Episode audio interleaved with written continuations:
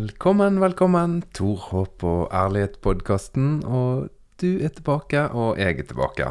Nå er det den dagen. Den dagen det kommer en ny episode. Og det er den dagen det er lurt å ta på seg et headset og noen joggesko og en eh, turbokse, og så gå en tur sammen med Tor Håp og Ærlighet-podkasten. Det kan jo gi noen nye tanker, og så kan det hende at det bare minner på noen gamle tanker. Noen tanker du har tenkt eh, mange ganger. Men det har jeg kommet frem til at det gjør jo ingenting. Sånn som eh, den forrige episoden, når jeg snakket om eh, denne mannen som bodde ved gravene. Så var det faktisk sånn at når jeg hørte om igjen den episoden, så tenkte jeg Neimen, oi, hjelpe meg. Ja, det er jo sånn. Ja, det er jo det. Ja, det òg, sier han. Og så merket jeg at mange nye tanker kom, og det er jo, det er jo litt fascinerende. At jeg kan lese en gammel tekst som jeg har jobbet masse med, og som jeg har laget en episode om, og så hører jeg sjøl den episoden, og når teksten blir lest, så vekkes det nye tanker. Så om jeg i dag eh, leser noen eh, tekster og kommenterer noen tanker som du har tenkt mange ganger, ja, så er jo det kanskje av og til litt bra. For det er jo litt sånn at vi, vi glemmer litt, og så, når vi går veldig ubevisst og bare tenker og surrer og lar tankene gå, så sies jo det at vi bare tenker om igjen og om igjen og om igjen. Nesten nøyaktig det vi tenkte i går. Så selv om en tanke vi har hørt, eller en tanke vi har vært innom, har vært litt sånn viktig for oss, så kan vi bare glemme, ofte glemme det. De bare siger ut igjen og siger vekk. Og så blir det noen maketanker som går igjen og igjen og igjen på repeat, enten av bekymring eller av sinne eller noe som En følelse som eh, kommer tilbake, og som forsterkes av noen tanker, av noen opplevelser. Og så akkurat som vi mediterer på disse opplevelsene. Og da er en sånn podkast sånn som dette, eller en annen podkast, eller en uh, stille stund der du bare puster helt ut og setter deg ned ute i gresset på en plen i en park, så kan det være med til å stoppe den tankestrømmen. Og så kan du tenke nye tanker. Og i dag har jeg Ja, i dag blir det litt sånn her uh, brudd på mitt eget reglement. Men jeg har funnet ut at jeg har gitt opp jeg hadde jo en del regler for podkasten da jeg begynte. Noe som jeg hadde laget meg sjøl, at dette skal du ikke gjøre, og sånn skal du ikke si. Og sånne emner skal du ikke bruke tid på. Og så merker jeg at nei, det funker ikke helt. I dag blir det noen nye regelbrudd. Og det viktigste regelbruddet som skjer i dag, er at jeg kommer til å lese ganske mange forskjellige tekstutdrag. Og så kommer jeg til å si hvilke vers og hvilke bok du finner tekstutdrag i.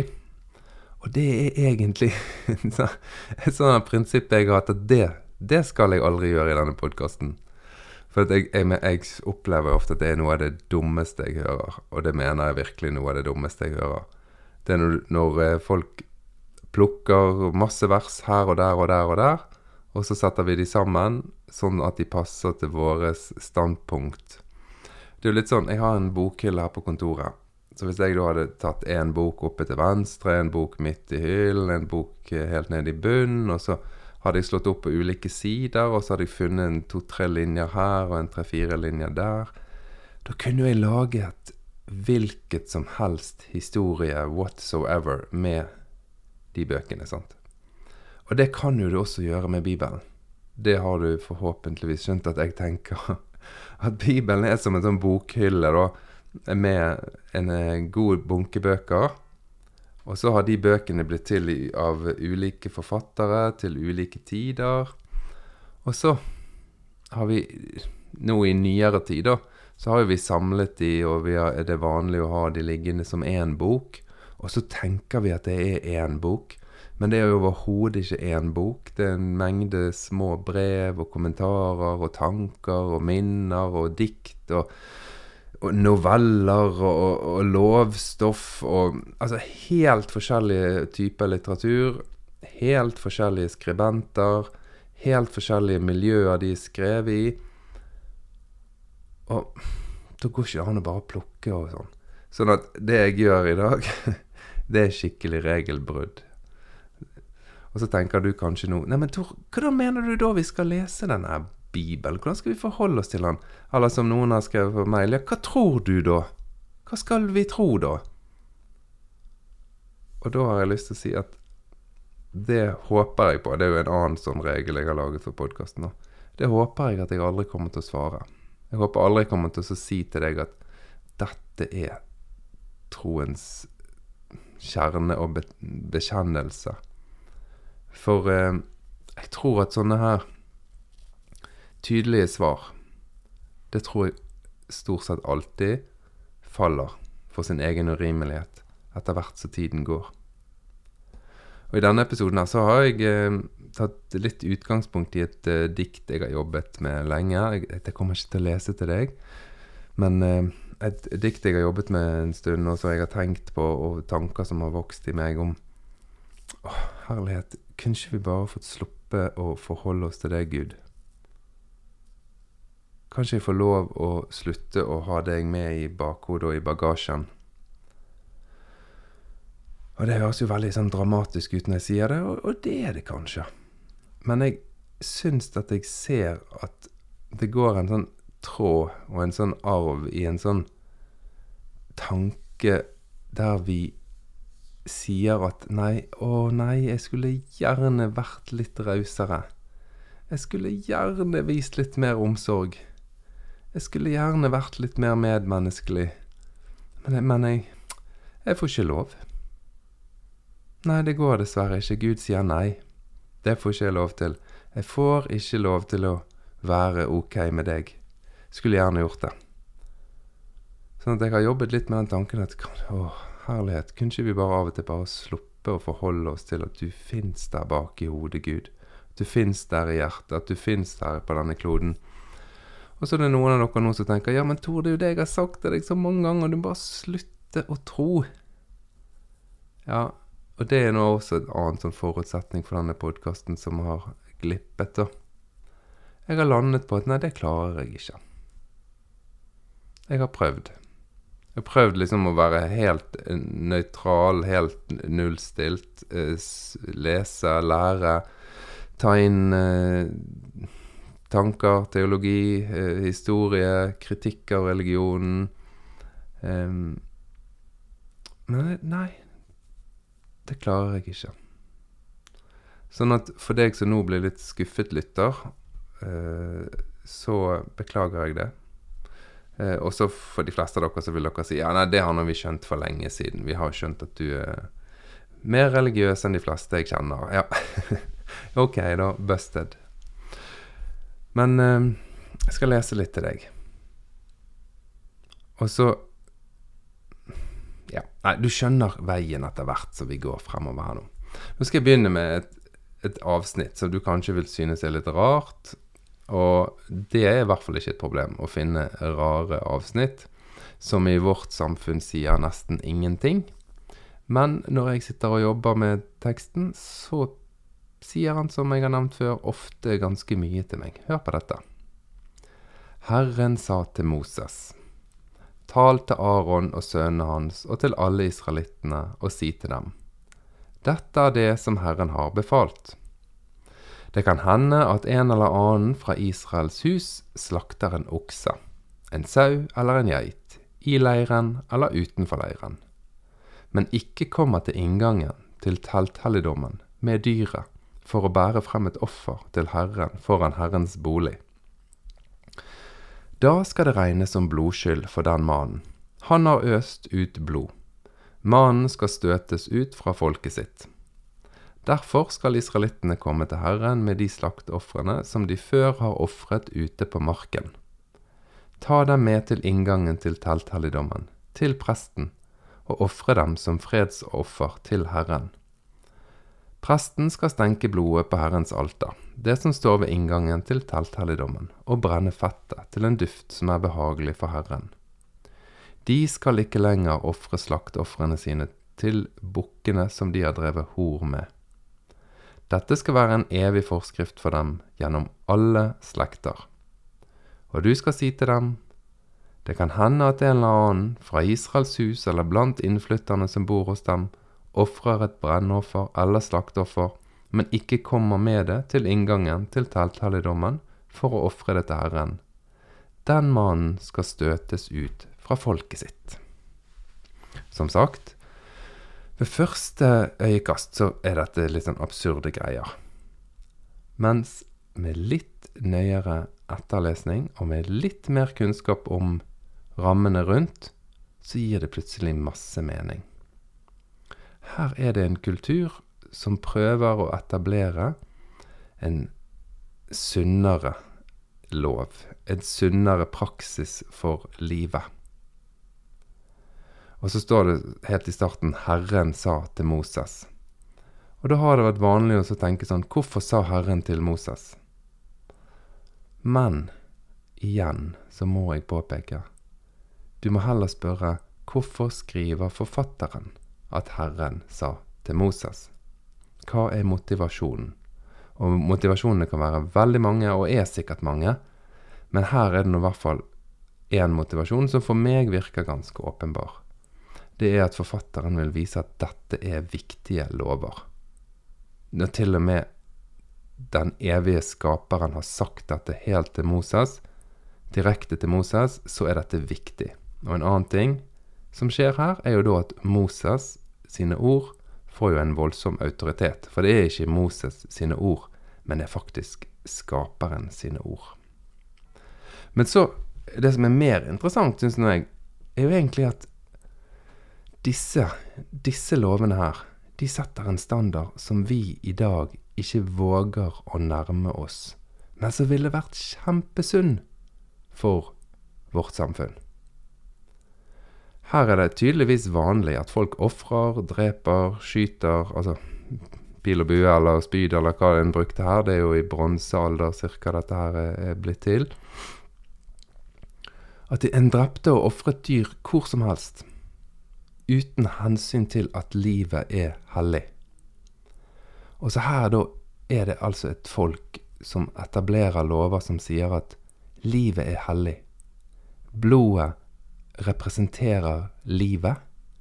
Og når et dyr skal dø, for at vi skal ha mat, for at vi skal ha det vi trenger, så må det dyret leies bort til telthelligdommen.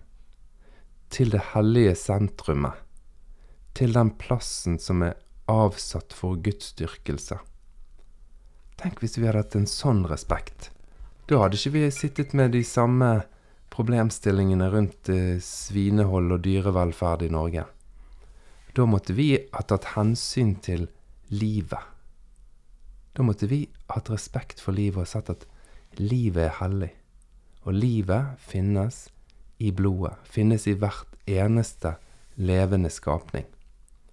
Da hadde vi kanskje ikke slaktet ned eller avlet frem grisene sånn at de får breiere hoftebein, sånn at de kan ligge mye mer. Fordi at vi har avlet de frem sånn at de får unaturlig mange barn og veldig korte bein og bor i små båser. Ja, dere har sett alt dette her på VG og på NRK osv. Den total mangelen på respekt som vi har for livet, den løftes opp i denne loven. Og så kan du bare riste på hodet og si det er gammelt og dumt og teit og meningsløst. Nei, dette er mennesker som leiter etter en vei videre, der vi har større respekt for livet. Men disse lovene, disse lovene som kommer her, og som du kan lese videre, så er det masse forbud og regler, og du har ikke lov å blande line og ull og forskjellige typer tøy osv. Masse regler som gjør det veldig komplisert å leve. Men jeg har lyst til at du skal være klar over det at um, de den kulturen som utviklet seg i, i, i, iblant jødene, den så ikke på denne loven som så komplisert, virker det som, hvis vi skal tro noen av forfatterne av bøkene i det som vi kaller Det nye, nye testamentet.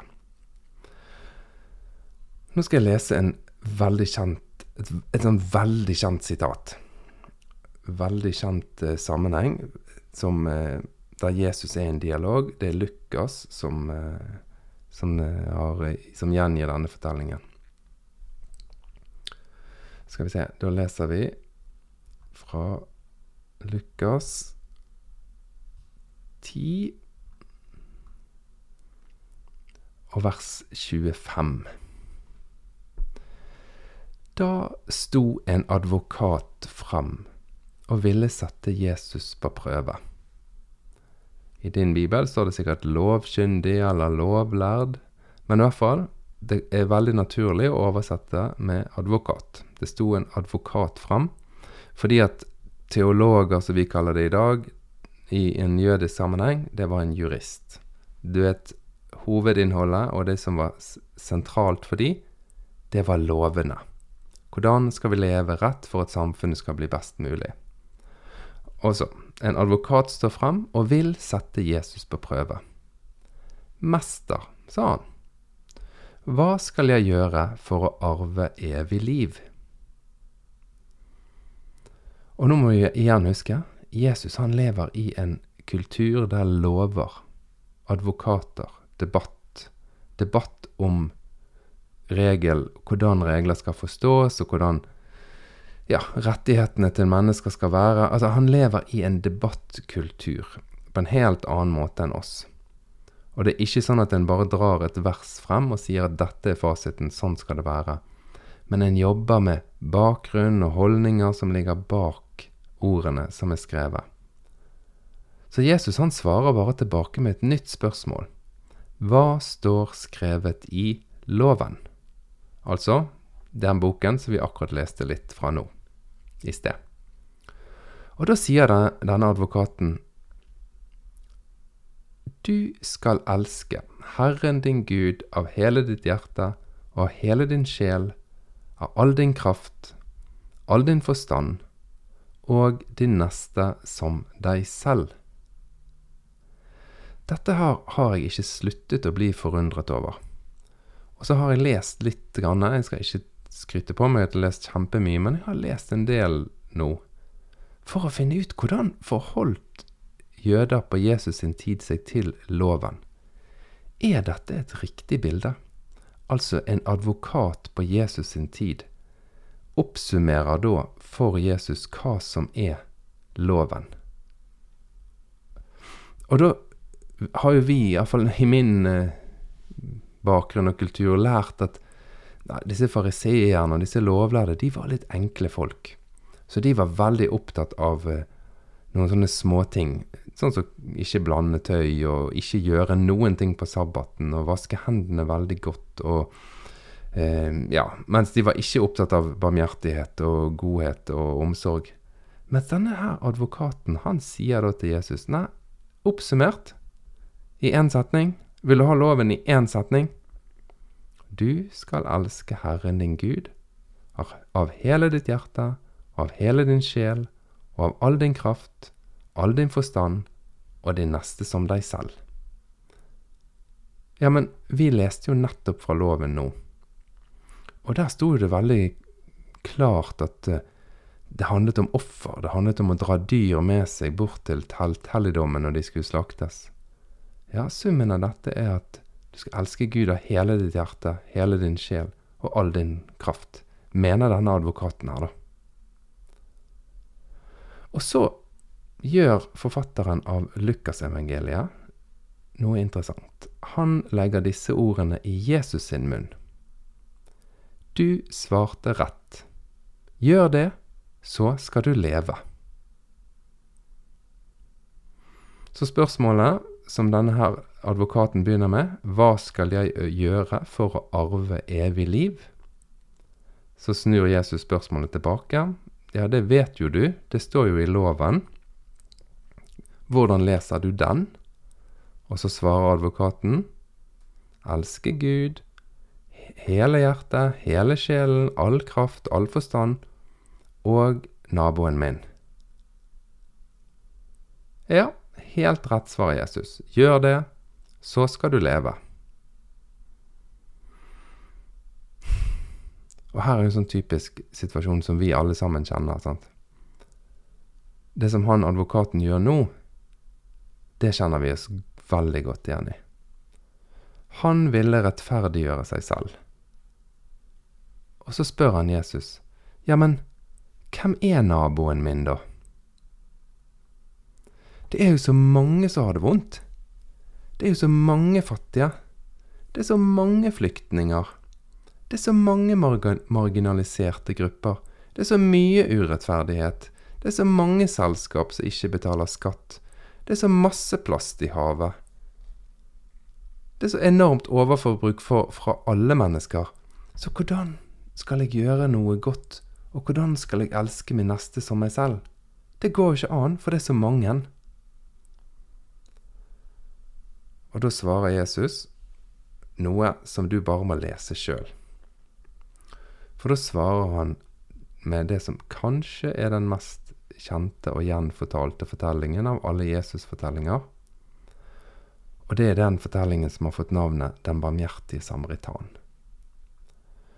Og da vil jeg at du skal Jeg vil oppfordre deg Jeg kan jo ikke bestemme, for jeg vet jo ikke hvem du er. Jeg vet at det er mange som hører på noe etter hvert, men jeg vet at jeg ikke kan bestemme hva du skal gjøre, men jeg oppfordrer deg til å ta en bibel og sitte helt for deg sjøl, gjerne på en plen i en park, og les sakte Lukasevangeliet, kapittel 10, vers 25 til vers 37, blir det vel. Og så kan du tenke sånn, når jeg leser denne fortellingen, hvem er det jeg identifiserer meg med? Tenker jeg at jeg er den mannen som får bank? Tenker jeg at jeg er den mannen som går forbi? Tenker jeg at jeg er den mannen som hjelper? Tenker jeg at jeg er den som driver vertshuset? Eller tenker jeg at jeg er fortelleren som setter andre mennesker på plass? Jeg skal ikke lese fortellingen for deg i dag, det har ikke vi tid til. Men du kan lese den sjøl, og ta det helt med ro. Ikke les noe mer fortellinger, bare les akkurat den, og la den jobbe i deg. Jeg opplever at Jesus han svarer veldig sånn enkelt her, sant. Ja, men du vet jo, du vet jo hvordan du arver evig liv. Dette er ikke komplisert. Du vet jo hva som er summen av loven, hva som er kjernen av alt som står, hva som er kjernen av alle drapene og alle nedslaktningene og alle krigene og alle fortellingene om hvem Gud støtter og hvem han ikke støtter. Du vet jo hva som er kjernen i dette. Elske naboen din. Og Jesus svarer ja, det er helt riktig, du har skjønt summen av dette. Bare gjør det, du, så skal du leve. Jeg tror ikke at en trenger å være veldig skarp for å få mye ut av de gamle tekstene. Jeg opplever nemlig å få mye ut av de gamle tekstene. Og jeg tror ikke jeg er en sånn spesielt skarp. Jeg tror jeg er en ganske normal fyr med ganske normale tanker, følelser og reaksjoner.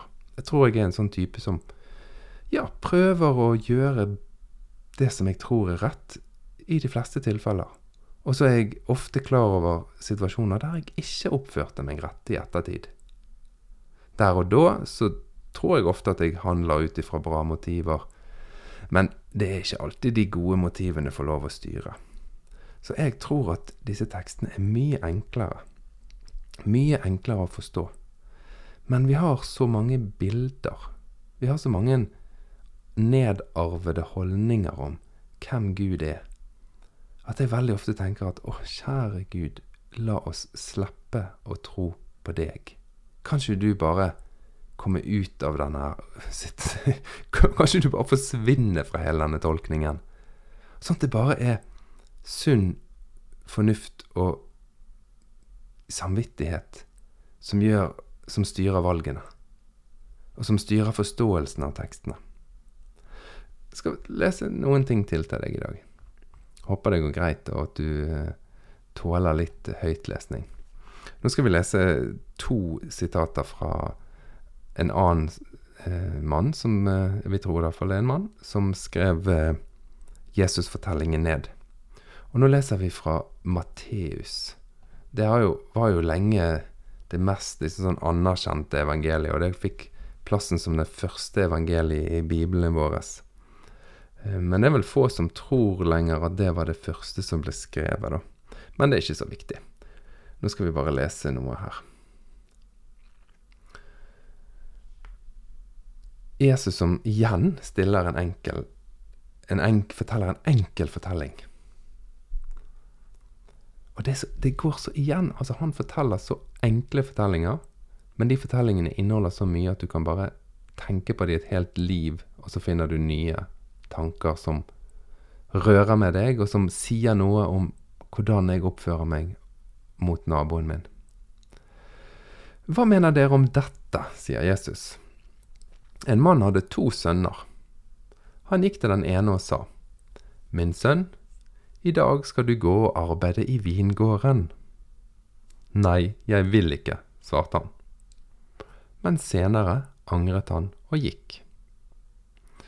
Faren gikk så til den andre og sa til han det samme til han. Og da svarer denne sønnen, Ja, herre, det skal jeg. Men han gikk ikke. Så spør Jesus, da, hvem av disse to gjorde som faren ville? Det var, jo ikke et fryktelig vanskelig spørsmål. Og da svarer de som hører på, den første. Og så får de selvfølgelig bekreftet at det er rett. Og så sier Jesus, tollere og horer kommer før inn i Guds rike enn dere. For Johannes kom til dere på rettferdighetsvei, men dere trodde ham ikke. Tollerne og horene derimot, de trodde han. Men dere, selv om dere så dette, angret dere ikke da heller, slik at dere trodde han.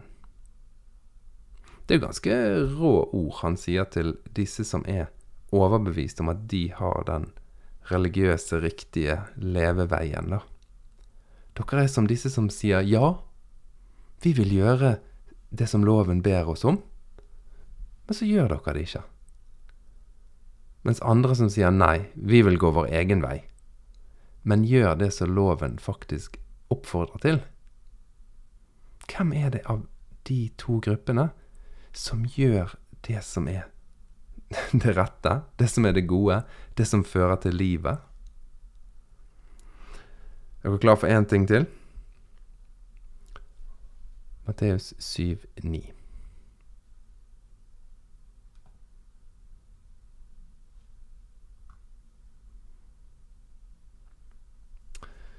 Hvem Det er Jesus igjen som spør. Hvem av dere vil gi sønnen sin en stein når han ber om et brød? Eller gi han en orm når han ber om en fisk?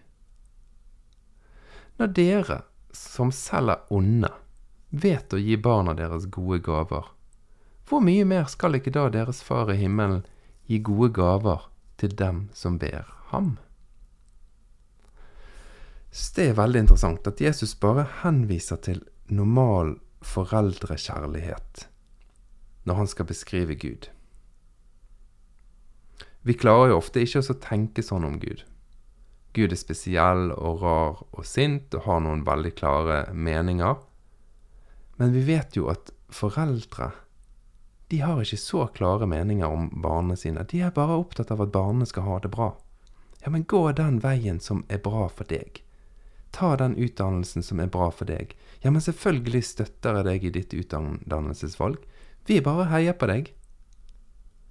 Ja, så stiller de noen spørsmål, og så har du lov å svare hva du tenker og sånn, men i bunn og grunn så er du en som backer. Jeg leser en bok nå som jeg syns er veldig, veldig bra. Veldig interessant. Og det er sikkert fordi at jeg føler at jeg kjenner meg sånn igjen i denne forfatteren og hans tanker og opplevelser.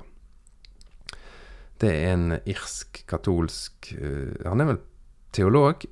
Um, så han utdannet, han er utdannet til prest, men han klarte aldri å jobbe i, som prest, uh, iallfall ikke i sine unge år. Fordi han syntes det var så mye staffasje og så mye ting, og han fant ikke helt ut av dette her. Men det endte nå med at han fikk et vikariat til å jobbe på et sånn uh, ja, retreat, et eller annet sånn, sånn stillested for uh, katolikker. Og på det stille stedet, der en skulle på en måte finne ro og fred og, og be og tenke, der kom det regelmessig skoler på besøk. Hovedsakelig katolske skoler, så det var barn med en religiøs oppdragelse for det meste som kom der. Og han tok denne jobben ikke fordi at han ønsket så veldig sterkt det, men fordi at han trengte en inntekt. Og denne damen som hadde ansvar for dette stedet, ga noen klare regler når han kom. Hun sa 'jeg krever ikke mye av deg', men det jeg krever, er at hvert eneste barn som kommer på skolebesøk her, skal bli tiltalt med sitt navn. Hvordan du lærer deg navn, det bryr jeg meg ikke om. Det må du bare fikse. Du skal kunne navnene til de som er her. Og du skal tiltale de med sitt navn. De skal merke at deres navn er viktig og blir lagt merke til. Og én ting til. Uansett om de barna som kommer her, hater religion, hater tro, eller elsker religion og elsker tro, så skal du gi de én ting. Du skal gi de en opplevelse av en meningsfull samtale om tro. Enkle og klare utfordringer som han her, forfatteren, tok på, et, tok på alvor, da. Så han lagde en sånn Ja, han tenkte ok, det vil være mange barn her som har religion langt opp i halsen, for de har blitt tvunget til masse holdninger og tanker som de egentlig ikke gjenkjenner. Og så vil det være noen som er veldig overgitt til sin barnetro. Um, så da lagde han en sånn enkel øvelse. Der når barna kom inn i et sånt uh, bønnerom, eller et sånt stillerom, så skulle de gjøre en fantasireise. Først gjorde de noen pusteøvelser og la seg ned, og så skulle de gjøre en fantasireise der de gikk en tur sammen med Jesus. Enten du tror på han eller ikke, spiller ikke noen rolle. Dette er en fantasireise der du går en tur sammen med Jesus. Og så forteller denne forfatteren om mange historier om hva disse barna sa etter denne turen i sin fantasi. Og det var én historie som jeg la veldig merke til, som jeg har lyst til å nevne for deg. Og det var en gutt som var litt nervøs for sin framtid. Tydelig en gutt som var opptatt av å gjøre det som var riktig. Og han fortalte om sin tur med Jesus, da, og beskrev Jesus og hvordan han hadde sett han, og hva, hva de hadde liksom snakket litt om. Og så spurte han her, eh, forfatteren som jeg leser, da, han hadde spurt denne gutten Ja, men spurte du Jesus om noen ting? Ja, jeg spurte han hva jeg kom til å bli når jeg ble voksen. Å ja. Ja, hva svarte Jesus da? Ja, da hadde Jesus svart. Nei, det aner jo ikke jeg. Det er jo du som må velge. Litt kul historie. Og sånn tror jeg det er. Jeg har litt tro på det. Du kan bruke denne fornuften og denne ønsket og denne drømmen og denne tanken som fins inni deg.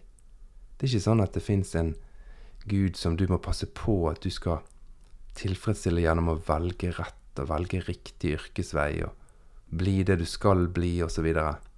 Nei. For hvem av blant oss er det som vil gi barna våre sin stein hvis han spør om et brød? Sunn fornuft. Og da tror jeg ofte at det hadde vært veldig bra for oss å ta Gud vekk ifra vurderingene våre når vi møter andre mennesker. Er dere klar for litt til? Vi går tilbake til Lukas. Det er jo litt feil feigt å spørre da om du er klar for, klar for litt til, for det at eh, du har ikke sjanse å svare. Det er jo litt trist.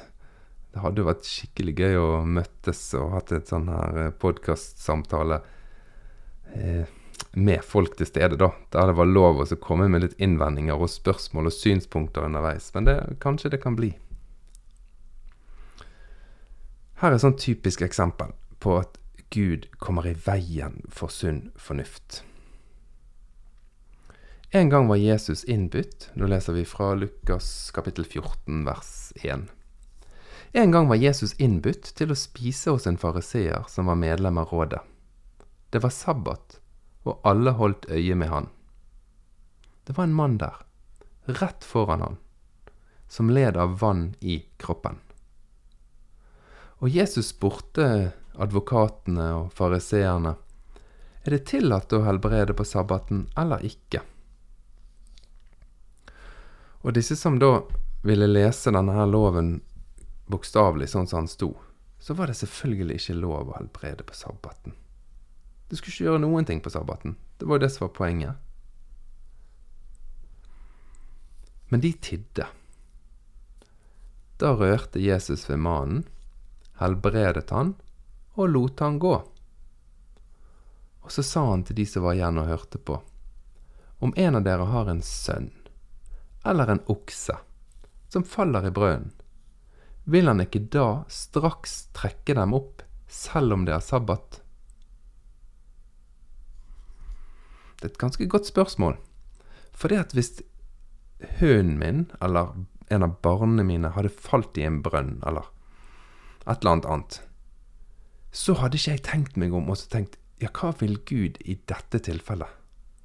Jeg lurer på om det er greit at jeg svømmer ut der og prøver å dra de opp på land, eller, eller at jeg kaster ned et tau og prøver å trekke de opp av denne brønnen, da, som er Jesus sitt eksempel.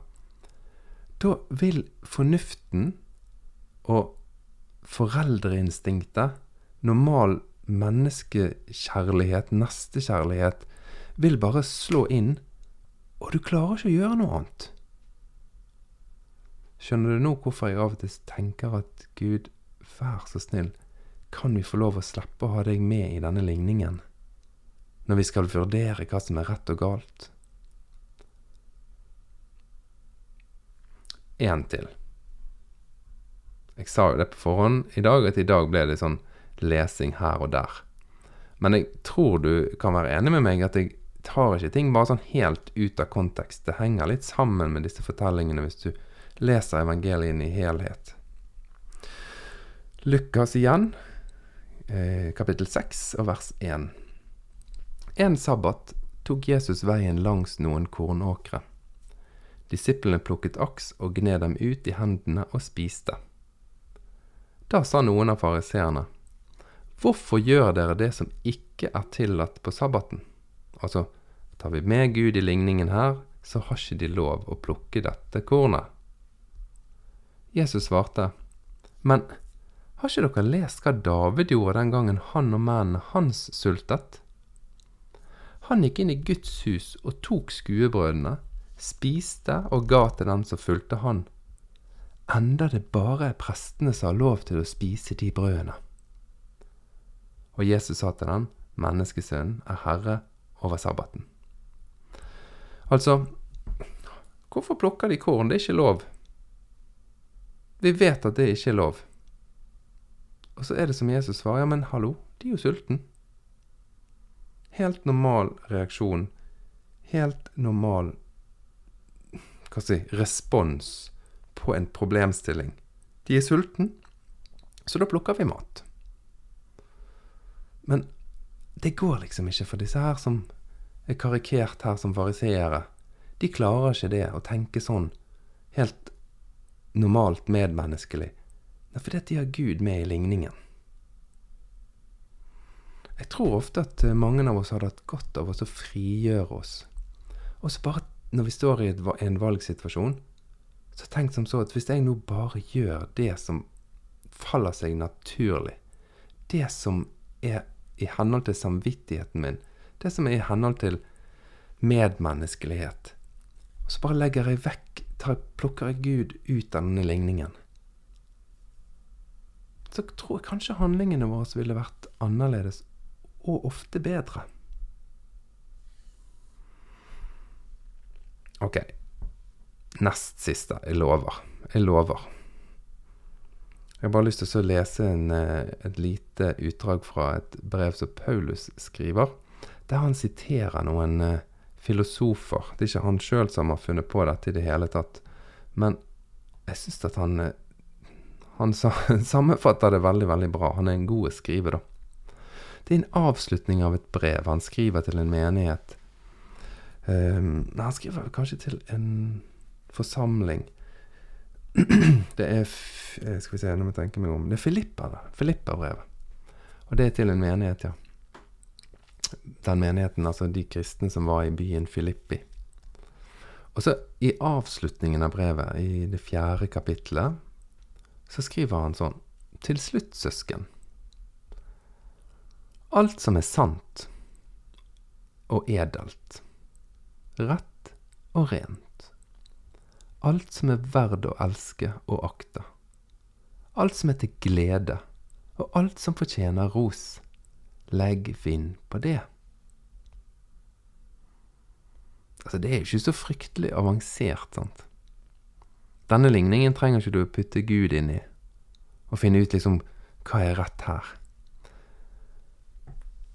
En annen fortelling som han, eh, som jeg nevnte i sted, han eh, irske, munk, eh, irske presten, teologen, skrev, den handlet om en annen, en annen av disse barna som var der på besøk, og som hadde vandret i fantasien sammen med Jesus. Og så hadde Jesus stilt noen spørsmål om ja, om den, det kristne livet til, her, til dette barnet. Og så hadde dette barnet forklart hvordan han trodde og tenkte om, om Gud og livet og mennesker. Og så hadde Jesus stilt dette spørsmålet tilbake til barnet. Funker det? Does it work? Fungerer det? Og jeg tenker at det spørsmålet er helt genialt. Hvis vi tar våre overbevisninger om hvem Gud er, og så handler vi på de, da må vi i hvert fall våge å stille spørsmålet funker det? Altså når religiøse grupperinger i statene f.eks. tvinger på igjennom at skolene ikke skal ha noe seksualundervisning, det eneste barnet får lære, er at abort er synd, Gud er imot abort. Da kan jo det være smart å tenke seg om og så spørre seg sjøl funker det? Eh, gir dette bra resultater? Altså, funker det? Og det trenger ikke være så store spørsmål. Det kan jo være spørsmål i ditt private liv, i måten du omgås dine venner, eller snakker til dine barn, eller Eh, forteller andre om troen på Jesus, eller eh, inntar et standpunkt i livet på det private planet i forhold til din ektefelle, kanskje? Funker det? Denne overbevisningen som du tenker er Gud, funker det?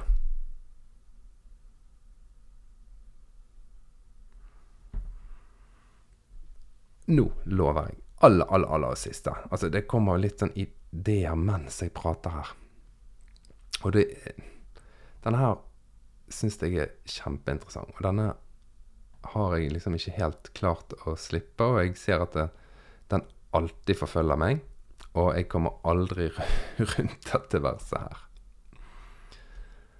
Og da er vi i Matteus, og det er en stor, kjent tale av Jesus, der Jesus på en måte legger frem hele sitt prosjekt. Hele sin tolkning, hele sin forståelse av livet og av loven og av hvordan vi finner livet. Og i kapittel 7 i Matteusevangeliet og vers 3 så sier Jesus noe sånt som Hvorfor ser du flisen i din brors øye, men bjelken i ditt eget øye legger du ikke merke til? Og da har jeg merket så mange ganger når jeg har tenkt på dette verset, så tenker jeg på andre mennesker. Så tenker jeg ja, de der folkene ser jo ikke bjelken i sitt eget øye. Og så går det opp for meg at herlighet, Tor, da tar du dette verset her, og så gjør det omvendt enn det Jesus oppfordrer til, umiddelbart, mens du leser verset. Hvorfor ser du flisen i din brors øye, men bjelken i ditt eget øye legger du ikke merke til? Nei, de legger ikke merke til bjelken. De bare fortsetter med sine dustete holdninger, og så skal de dømme og forklare og fortelle andre hvordan de skal få ut en flis av sitt øye. Og så kjenner jeg at jeg irriterer meg på disse folkene. Og sånn er det også i alle disse versene som jeg har lest nå. Hvis jeg lar de snakke til meg og til mitt liv, så gir de mening. Men i det øyeblikket jeg snur meg, og så sier jeg til den og den og den må slutte å ha den forferdelige guden med i sin ligning, ja, da går jeg rett imot denne oppfordringen fra Jesus her. Det er noe snodig med disse her eh, gamle tekstene og alle disse versene som jeg har lest i dag. Og dette er min egen opplevelse. Det er at hvis jeg lar de snakke til meg, så gir de mening. Da utfordrer de meg hele tiden. Men hvis jeg lar de handle om noen andre sine holdninger, så gir de lite mening. Da gir de bare makt til å være sint og sur og nedlatende mot andre mennesker. Og den kraften fins virkelig i alle disse versene her. Og da kan jeg være rimelig tøff fordi at jeg til og med har Gud på mitt lag. Men hvis jeg tar ut Gud av denne ligningen og ikke har han på mitt lag mot noen andre mennesker, men rett og slett bare lar disse her fortellingene og versene snakke til meg, og så klarer du det i noen få minutter, og så leser du fortellingen en gang til, og så begynner du å tenke på en annen som burde hørt denne fortellingen, for han eller hun har så elendige holdninger. Og så kommer du på dette her 7, Matteus 7 vers 3 igjen, og så kjenner du at eh, Oi, de gamle fortellingene, de gamle tekstene sier noe til meg igjen. Og så detter det ut igjen. Og så er du på hugget igjen og skal ta noen andre. Men til neste gang, hvis du leser disse tekstene som vi nå har vært igjennom, eller noen andre tekster, ha i bakhodet Matteus 7, vers 3. Du, nå ble denne episoden lenger enn jeg hadde tenkt. Og jeg har ennå ikke fullført alle tankene som jeg hadde notert meg ned. Men jeg håper at dette var til en liten inspirasjon. Neste fredag er det en ny gjest igjen i podkasten, så du kan glede deg. Jeg har oppdaget det at noen av dere setter veldig pris på disse her solopratene og litt sånn tekstlesing. Andre syns at de er litt meningsløse. Noen har skrevet podkasten er klart kjekkest når du har gjester. Andre har skrevet det er mye gøyere å høre på når du bare leser og forklarer og, og tenker. Eh, så vi får gjøre litt forskjellig. Så er det jo gjerne sånn at til lags at alle, det klarer jeg aldri. Men kanskje det blir til lags at noen. Neste uke iallfall. Fredag 07.00. Takk for at du lytter.